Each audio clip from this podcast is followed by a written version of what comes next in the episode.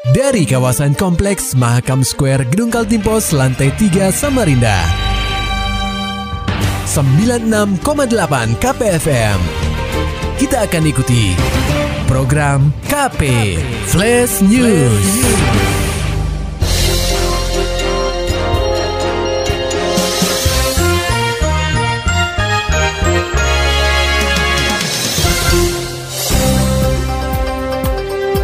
Anda sedang menyimak program KP Flash News bersama saya Agung Pratama.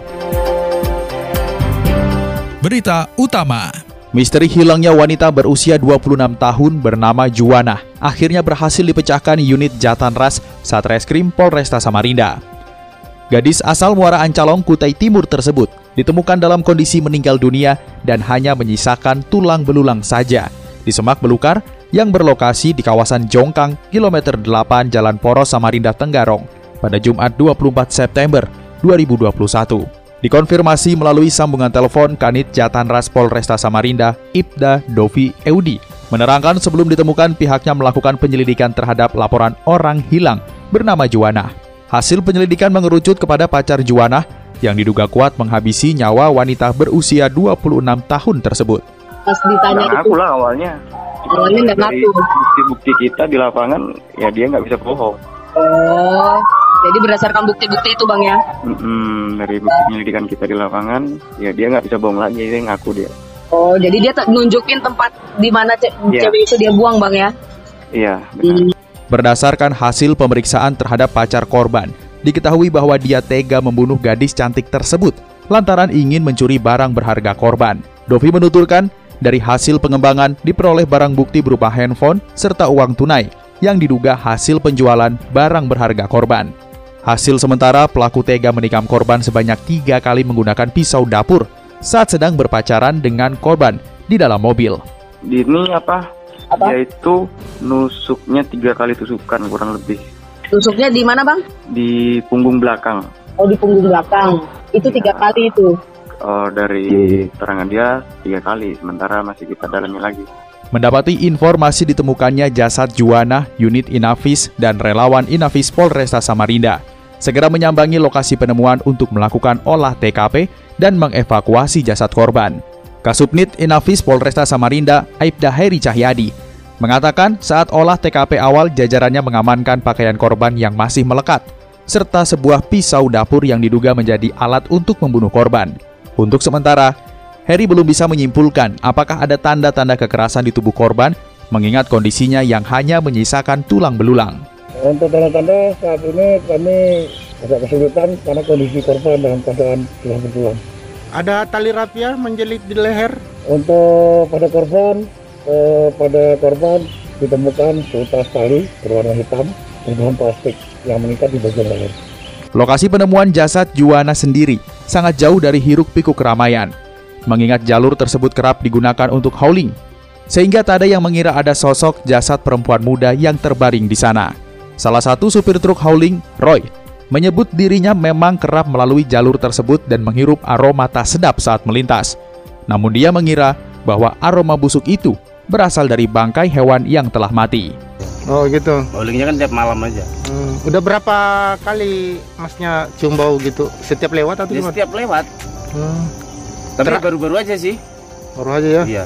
Oh gitu. Kira sih bang bangkai anjing. Baunya itu tercium berapa lama?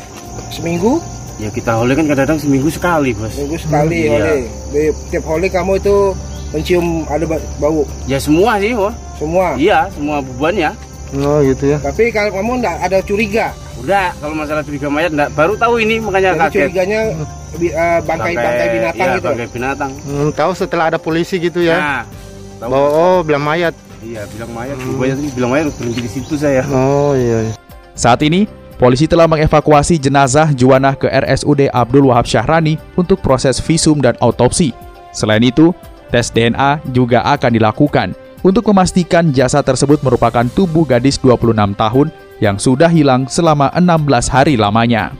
Berita selanjutnya dari dunia olahraga Borneo FC berhasil menahan imbang Persib Bandung dengan skor 0-0 dalam lanjutan pekan keempat BRI Liga 1 2021. Laporan selengkapnya akan disampaikan reporter KPFM Samarinda, Muhammad Nur Fajar.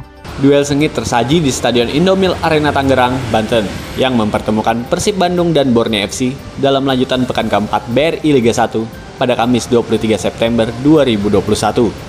Kedua tim sama-sama ngotot untuk bisa meraih tiga poin dalam pertandingan tersebut. Namun setelah 90 menit laga berjalan, tidak ada gol yang tercipta dari kedua kesebelasan. Alhasil, Maung Bandung dan Pesut Etam harus puas berbagi satu poin dalam pertandingan kali ini. Dalam konferensi pers pasca pertandingan, caretaker Borneo FC, Ahmad Amiruddin, mengapresiasi kerja keras para pemain untuk memberikan penampilan yang terbaik. Meski begitu, Amir sapaan akrabnya kembali menyoroti penyelesaian akhir yang belum maksimal. Amir membantah anggapan bahwa timnya bermain bertahan. Menurutnya, Sejak awal dirinya memasang formasi 4-3-3 untuk bisa menciptakan gol. Bahkan, saat babak kedua, dirinya memasukkan pemain tengah dan winger yang lebih berani untuk menyerang. Uh, saya apresiasi kerja keras pemain. Uh, mereka mau uh, bertahan sama-sama, menyerangnya juga sama-sama. Terus uh, ya itu lagi problem di finishing, hmm. tapi memang uh, chance untuk uh, finishing itu di tim seperti Persib sedikit lebih kurang ya. Jadi eh, saya pikir itu hasil ini fair buat kami. Atas raihan satu poin ini, Borneo FC harus puas berada di posisi 8 dengan raihan 5 poin dari 4 pertandingan. Sementara Persib Bandung masih bertengger di posisi kedua dengan poin 8 dalam klasmen sementara BRI Liga 1 2021. KPFM Samarinda, Muhammad Nur Fajar melaporkan. Masih dari dunia olahraga pendengar KP, Gubernur Kaltim Isranur berharap atlet yang berlaga di PON ke-20 Papua finish di peringkat kedua. Beritanya dilaporkan reporter KPFM Samarinda, Maulani Alamin. Perjuangan atlet benua etam yang akan berlaga di Pekan Olahraga Nasional atau PON ke-20 Papua mendapat dukungan penuh dari Gubernur Kaltim Isranur. Orang nomor satu di Kaltim itu berharap skuad Bumi Etam mampu meraih posisi tiga besar pada kompetisi olahraga terbesar di Indonesia itu. Hal ini disampaikan Isran saat melepas kontingen Kaltim yang terdiri dari berbagai cabang olahraga terlaksana di halaman kantor Gubernur Kaltim, Jalan Gajah Mada, Samarinda, Jumat 24 September 2021. Salam olahraga! Kalimantan Timur! Kalimantan Timur! Kalimantan Timur! Kayak kita semangat. Kan kita saya memperkirakan dan saya memiliki harapan besar kita bukan juara lima juara tiga paling tidak kalau bisa juara dua. Karena ini peluang kita berada di wilayah tengah ke timur. Jadi prestasi yang sudah dicapai selama ini kita pernah menjadi tuan rumah kita berada pada posisi tiga. Di lokasi yang sama Ketua Konikal Tim Zudi Yaya optimis para atlet dapat mempertahankan prestasi. Menurutnya, tim Kaltim telah melakukan beraneka persiapan sebelum perhelatan PON dimulai, sehingga Zuhdi yakin para atlet akan berjuang secara maksimal. Ya, oh, ya, ya. Belum tahu medan di sana. Nah, kalau Papua itu di atas kita, berarti kita tergeser pada posisi 5. Ya. Jadi ini data ini ya. Kalau kita ingin mengalahkan posisi tetap 5 yang sebelumnya, ya kita harus mengalahkan profesi-profesi pesaing kita. Minimal uh, mempertahankan lima besar ya Pak ya? Nah, insya Allah, mohon doanya ya. Jadi kalau memang nanti lebih besar, lebih tinggi, alhamdulillah kayak contohnya ya. Iya. Diketahui, pada edisi PON ke-19 di Jawa Barat, Provinsi Kalimantan Timur meraih posisi lima besar. Prestasi itu yang akan kembali diperjuangkan para patriot olahraga. Diketahui pula, pembukaan PON Papua dijadwalkan pada 2 Oktober Sementara pertandingan berlangsung sampai 15 Oktober 2021. Klaster venue pada PON terbagi di empat daerah, yakni Kota Jayapura, Kabupaten Jayapura, Kabupaten Mimika, dan Kabupaten Merauke. KPFM Samarinda, Maulani Al-Amin, melaporkan. Sementara itu persoalan yang dihadapi petani di Bukit Raya Tenggarong seberang menuai sorotan Wakil Ketua DPRD Kaltim Muhammad Samsun. Perhatian itu bukan tanpa alasan. Sejak 2019, Produktivitas pertanian di kawasan itu merosot karena lahan seluas 3.000 hektar sering dilanda banjir. Pada Sabtu 18 September 2021, Muhammad Samsun yang merupakan wakil rakyat daerah pemilihan Kutai Kartanegara turun langsung meninjau lahan pertanian dimaksud. Kedatangan Samsun itu juga bermaksud memastikan program yang telah digulirkan lewat aspirasinya terlaksana tepat sasaran. Kepala Dusun Sumber Sari Desa Bukit Raya Tenggarong Seberang, Lilik Purbandi, menyebutkan aspirasi dalam bentuk normalisasi yang diberikan Samsun berdampak di sebagian lahan pertanian. Kita punya sekitar 600 hektar. Alhamdulillah kemarin yang dikasih sama Pak Samsun untuk normalisasi bisa mengkabar Bukit Raya ini sekitar 600 juga ditambah desa sebelah Lepu, Karangtunggal, Manunggal Jaya juga Tanjung Batu sendiri Insya Allah 2000 hektar bisa tercover untuk di eh, potensi padi. Di lokasi yang sama, Muhammad Samsun memastikan kegiatan normalisasi pada 2020 berjalan efektif dan tepat sasaran di sektor pertanian. Mulai hulu ke hilir telah dinormalisasi. Beberapa waktu yang lalu di sini ini sering kebanjiran, Mbak Nin. Jadi eh, lahan di sini hampir-hampir tidak bisa produktif karena sebentar-sebentar hujan banjir, sebentar hujan banjir dan banjirnya bertahan lama, bahkan sampai satu bulan, dua bulan baru bisa kering. Ini alhamdulillah eh, kita lakukan normalisasi eh, terkait dengan irigasinya, aliran sungainya kita tata. Eh, alhamdulillah sekarang sudah bisa diproduktifkan lahannya. Kita lihat sawahnya udah mulai bagus. Sebentar lagi sudah mau panen. Dan uh, ini harapan kita semua. Baik. Muhammad Samsun yang juga menjabat bendahara DPD PDIP Kaltim tersebut berharap pemerintah terus memberi perhatian kepada para petani. Apalagi produktivitas pertanian di Kukar secara umum masih termasuk kecil.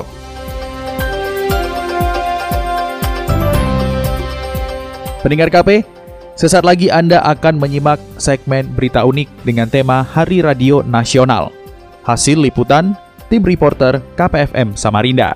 Selamat mendengarkan.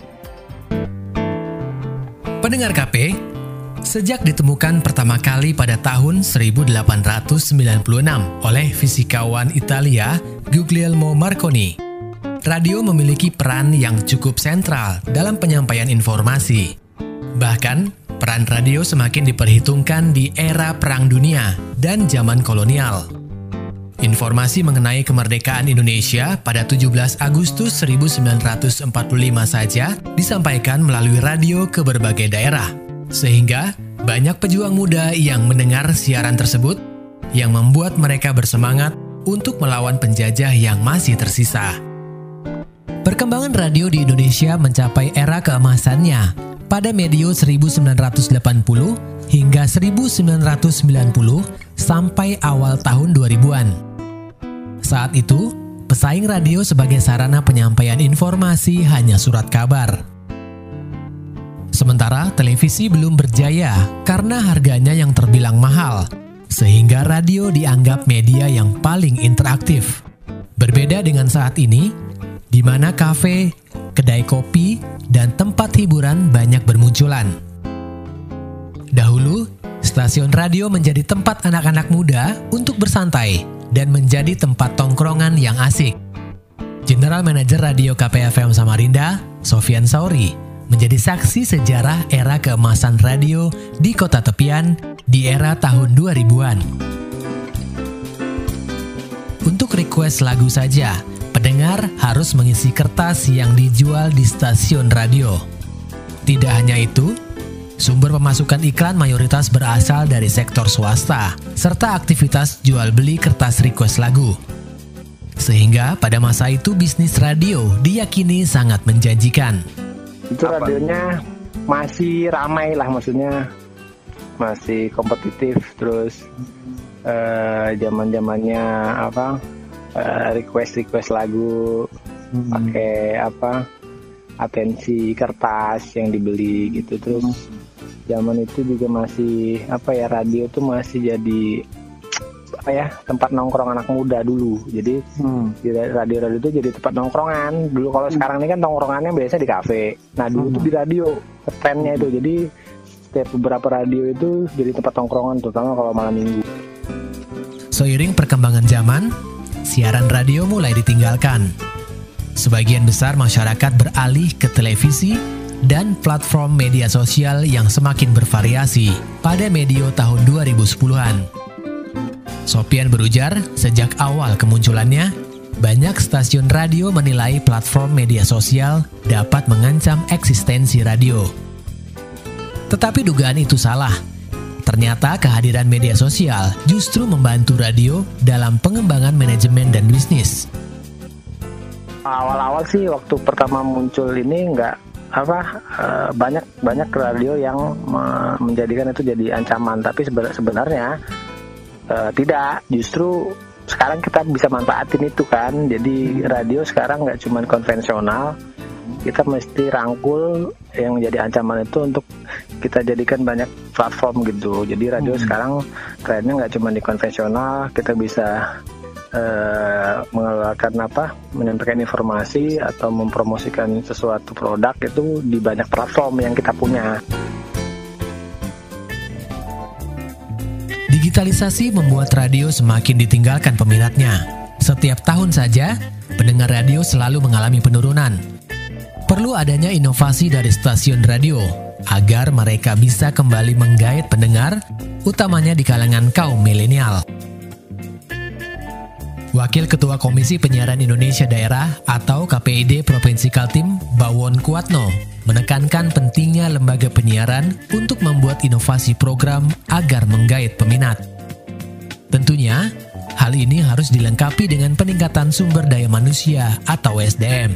Tentunya radio harus perlu banyak berinovasi. Yang pertama Hmm. sekali ya eh, peningkatan SDM, kualitas SDM di radio juga perlu ditingkatkan.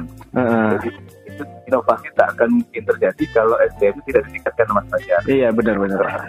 Jadi kemampuan uh, skill mereka, uh, perkembangan masa kini dia juga pemahaman itu juga segera diupdate. Hmm. Terus masuk di era digital yang seperti saat ini adalah uh, perilaku masyarakat sudah tidak seperti dulu, Mas Fajar. Ah, benar pak. Jadi eh, yang dulu kita bawa uh, pingin dengan radio tuh terus kita bawa radionya segala macam gitu kan. Kalau kemudian eh, sekarang udah berbeda, radio sudah masuk di gadget-gadget eh, anak-anak muda. Agar bisa terus didengarkan oleh masyarakat, stasiun radio harus memanfaatkan segala sarana yang telah tersedia saat ini. Contohnya seperti layanan streaming, YouTube, dan podcast. Program siaran dengan mengedepankan budaya lokal adalah kunci supaya radio bertahan di era disrupsi teknologi. Bawon tak memungkiri bahwa serbuan budaya dan bahasa asing saat ini membuat anak muda mulai melupakan budaya lokal. Oleh sebab itu, Bawon ingin agar stasiun radio mampu membuat program siaran yang bisa memberikan edukasi kepada masyarakat mengenai kearifan lokal di Kaltim, seperti bahasa daerah, lagu daerah, dan cerita lokal. Jadi kita harapkan radio swasta juga mengambil peran itu untuk menyiarkan siaran dengan bahasa daerah. Yang kedua, eh, apa namanya, kearifan-kearifan budaya daerah juga eh, tolong diangkat. Dan misalnya ada seminggu sekali ada apa namanya eh, apa ya misalnya kalau kutip tinggilan gitu ya. Iya pak. Coba diangkat di radio seperti itu. Ada budaya apa lagi yang di Kabupaten Pasir atau Barat apa eh, coba diangkat. Samarinda misalnya apa kalau kita apa, mandi mandiin atau apa seperti itu silakan eh, diangkat ya seperti ini. Supaya apa mereka tidak luntur dan eh, lokal eh, apa namanya eh, kearifan lokal dapat dipahami juga oleh masyarakat. Meski dinilai old fashion, harus diakui bahwa radio adalah salah satu saluran penting untuk penyampaian informasi dari pemerintah ke masyarakat. Radio dinilai masih efektif, walau terjadi pengurangan terhadap jumlah pendengar, karena situasi mulai berubah menuju digitalisasi. Kepala Daerah Komunikasi dan Informatika atau Diskominfo Kaltim, Muhammad Faisal, melihat bahwa keberadaan radio memang cukup unik dan dianggap lebih cepat daripada media cetak. Bahkan dahulu, radio digadang-gadang menjadi saluran yang cepat, menghibur masyarakat, serta sarana edukasi yang murah meriah. radio adalah salah satu saluran ya, saluran eh, informasi, diseminasi informasi eh, dari pemerintah ke masyarakat. Ya, kita harus akui itu masih eh, kita anggap dan masih efektif ya. Walaupun saat ini eh, terjadi disrupsi atau terjadi pengurangan lah eh, karena suasana eh, sudah situasi sudah berubah gitu loh. baik teknologi maupun uh, selera dan tren masyarakat. Walaupun tetap ada penggemarnya. Faisal memaparkan, agar radio bisa bertahan di tengah gempuran digitalisasi, mereka harus bisa beradaptasi dengan tren kekinian. Ada beberapa hal yang harus diperhatikan supaya radio bisa kembali merebut pasar. Pertama, kurangi komunikasi satu arah. Hal ini dianggap menjadi salah satu kelemahan dari radio karena kurang interaktif. Sehingga penting bagi lembaga penyiaran untuk mengedepankan dialog-dialog bersama masyarakat untuk menarik minat. Kedua, lanjut Faisal, radio harus mampu beradaptasi dengan tren saat ini. Menurutnya, radio harus bisa mengikuti perkembangan teknologi dengan menyediakan layanan streaming, serta mampu bermain dan melakukan promosi di media sosial. Karena radio orang kadang nggak tahu nih, padahal sebenarnya misalnya nih hari ini ada wawancara Jokowi, kemudian dia bikin player di radio juga promonya nggak akan dapat hmm. tambahan segmen. Dia harus bermain main di medsos, bikin player, ada fra event yang tidak hanya di radio saja hmm. ya. Jadi ini dia harus beradaptasi hmm. dengan situasi ini, ya, ya kan, ya. supaya bisa menangkap segmen-segmen yang uh, bukan fanatis radio. Hmm. Ketiga, Faisal berpesan agar stasiun radio mampu memperluas jaringan ke berbagai daerah. Mantan Kepala Dinas Pariwisata Samarinda ini mengakui bahwa radio memiliki batasan aturan dan coverage. Guna menyiasati hal tersebut, radio harus mampu membuka jaringan dengan stasiun radio di wilayah lain untuk menjangkau penggemar radio di sana. Terakhir, radio harus bisa memberikan generalisasi terhadap pendengarnya. Saat ini, banyak radio komunitas yang semakin berkembang dan mengkotak-kotakan pendengarnya pada satu genre tertentu. Meski hal itu tidak dilarang, namun itu tidak mampu mengakomodir keinginan pendengar lain. Akhirnya e, berusaha untuk tidak kotak-kotak seperti itu, mm-hmm. ya, sehingga kita bisa rebut pangsa yang lebih besar. Karena akhirnya itu menjadi semacam komunitas saja, mm. ya. Tapi kalau sudah dapat brand, kalau sudah dapat brand, ya sah saja. Hmm. Kalau sudah dapat brand, sudah dapat uh, apa ya penggemarnya tersendiri ya sah saja. Cuma saran saya sih harus global. Lebih lanjut, momentum Hari Radio Nasional yang jatuh pada 11 September lalu diharapkan mampu menjadi titik balik stasiun radio untuk merebut kembali penggemarnya sehingga radio bisa terus eksis dan mengudara di wilayah Indonesia.